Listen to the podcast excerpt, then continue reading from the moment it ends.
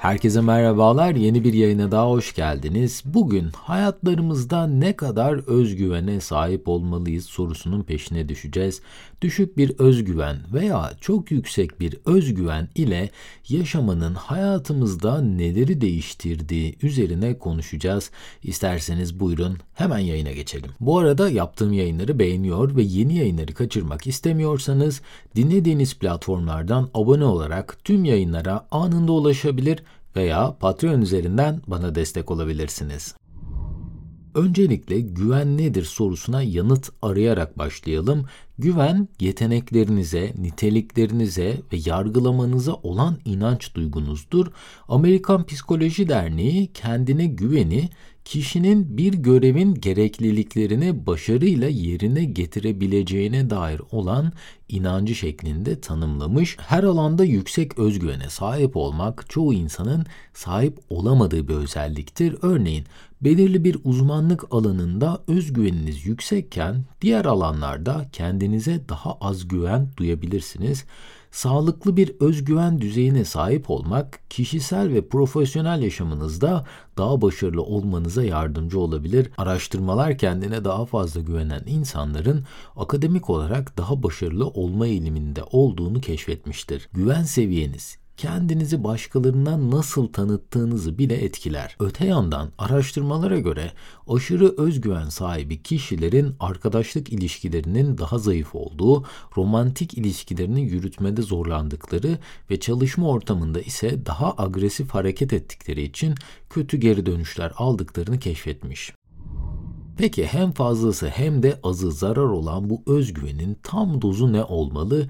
Bunu daha iyi anlayabilmek için bizlerin özgüvenini olumlu ya da olumsuz yönde etkileyen en önemli değişkenlere bakmamız gerekiyor. İlk olarak kendinizi başkaları ile kıyaslama, eğer ki sahip olduğunuz hayatı başkalarının hayatları ile kıyaslıyorsanız ne yazık ki bu özgüveninizin düşmesine sebep olacaktır. Sosyal medya ile artık oturduğumuz evi, bindiğimiz arabayı, gittiğimiz tatili, sahip olduğumuz vücudu diğer insanlar ile anlık olarak karşılaştırır bir hale geldik. 2018 yılında yapılan bir araştırmaya göre kendi hayatını diğer insanların hayatları ile kıyaslayanlar çok daha yüksek oranda kıskançlık duyuyor ve bu kıskançlık arttıkça da kendi hayatlarından memnun olmuyorlarmış.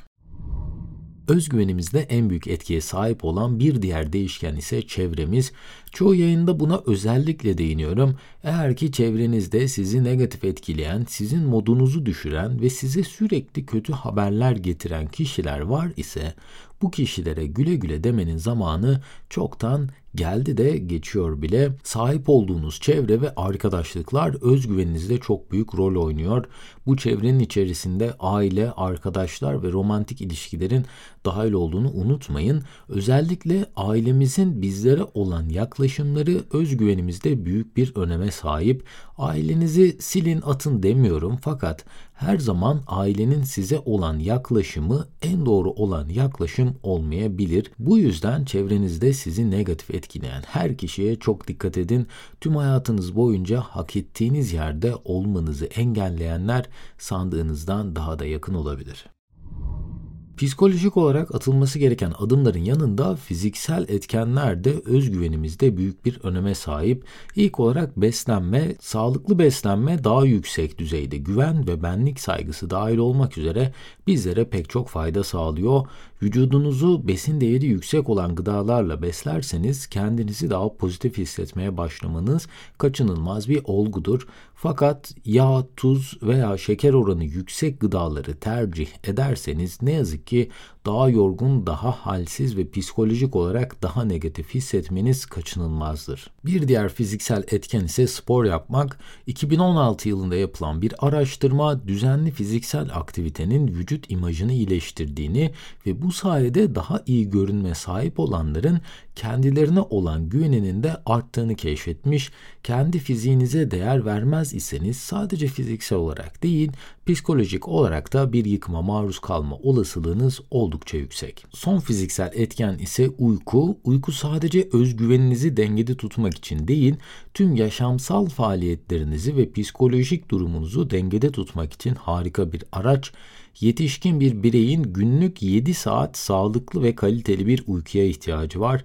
Düzenli uyku uyumayan ve 7 saatin altında uykuyla yaşayanlar sadece özgüvensel değil, çok ciddi sağlık sorunlarına da maruz kalabilirler. Sadece bununla alakalı da bir yayın yapmıştım. Dinlemediyseniz de linkini bırakıyorum. Dördüncü değişkenimiz ise kendinizle olan konuşma biçiminiz. Kendinizle sürekli olarak olumsuz konuşmak bilinçaltınızı bir şeyle başa çıkamayacağınıza veya bunun çok zor olduğuna ve denememeniz gerektiğine inandırarak yeteneklerinizi sınırlayabilir ve özgüveninizi azaltabilir. Öte yandan bu konuşmaları daha iyimser hale getirirseniz bu işi kesin yapamam ben evresinden belki de yapabilirim evresine geçmenize olanak tanıyabilirsiniz.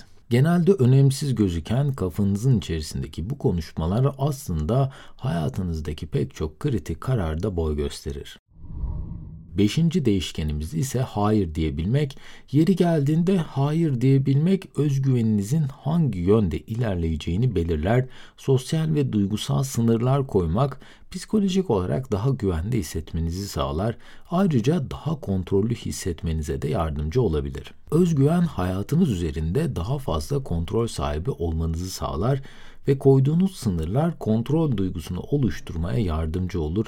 Hayır diyebilmek genellikle büyük bir enerji ister ve güven alanının dışına çıkmayı gerektirebilir. Ama bir defa dahi bunu yaptığınızda özgüveniniz anında yükselişe geçer. Beyniniz hayır dediğiniz zaman size hiçbir zarar gelmediğini hafızasına kazır ve bu eylemin sizin çıkarınıza olduğunu artık bilir hale gelir. Her hayır dediğinizde de bu giderek daha kolay bir eyleme dönüşür. Son değişkenimiz ise başkalarını dinleyebilmek. Normalin üzerinde özgüvene sahip olanlar ise genellikle diğer insanların görüş ve düşüncelerine çok fazla önem vermezler. Bu da onların yeni şeyler öğrenmesine engel olabilir ve toplum tarafından sevilmeyen karakter haline dönüşebilirler.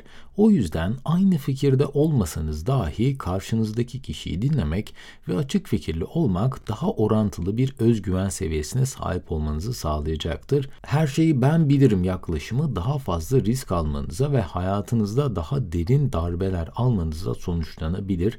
Sahip olduğumuz karakterler aslında burada çok büyük bir rol oynar fakat çok yüksek aşırı güvende size zarar verebilir.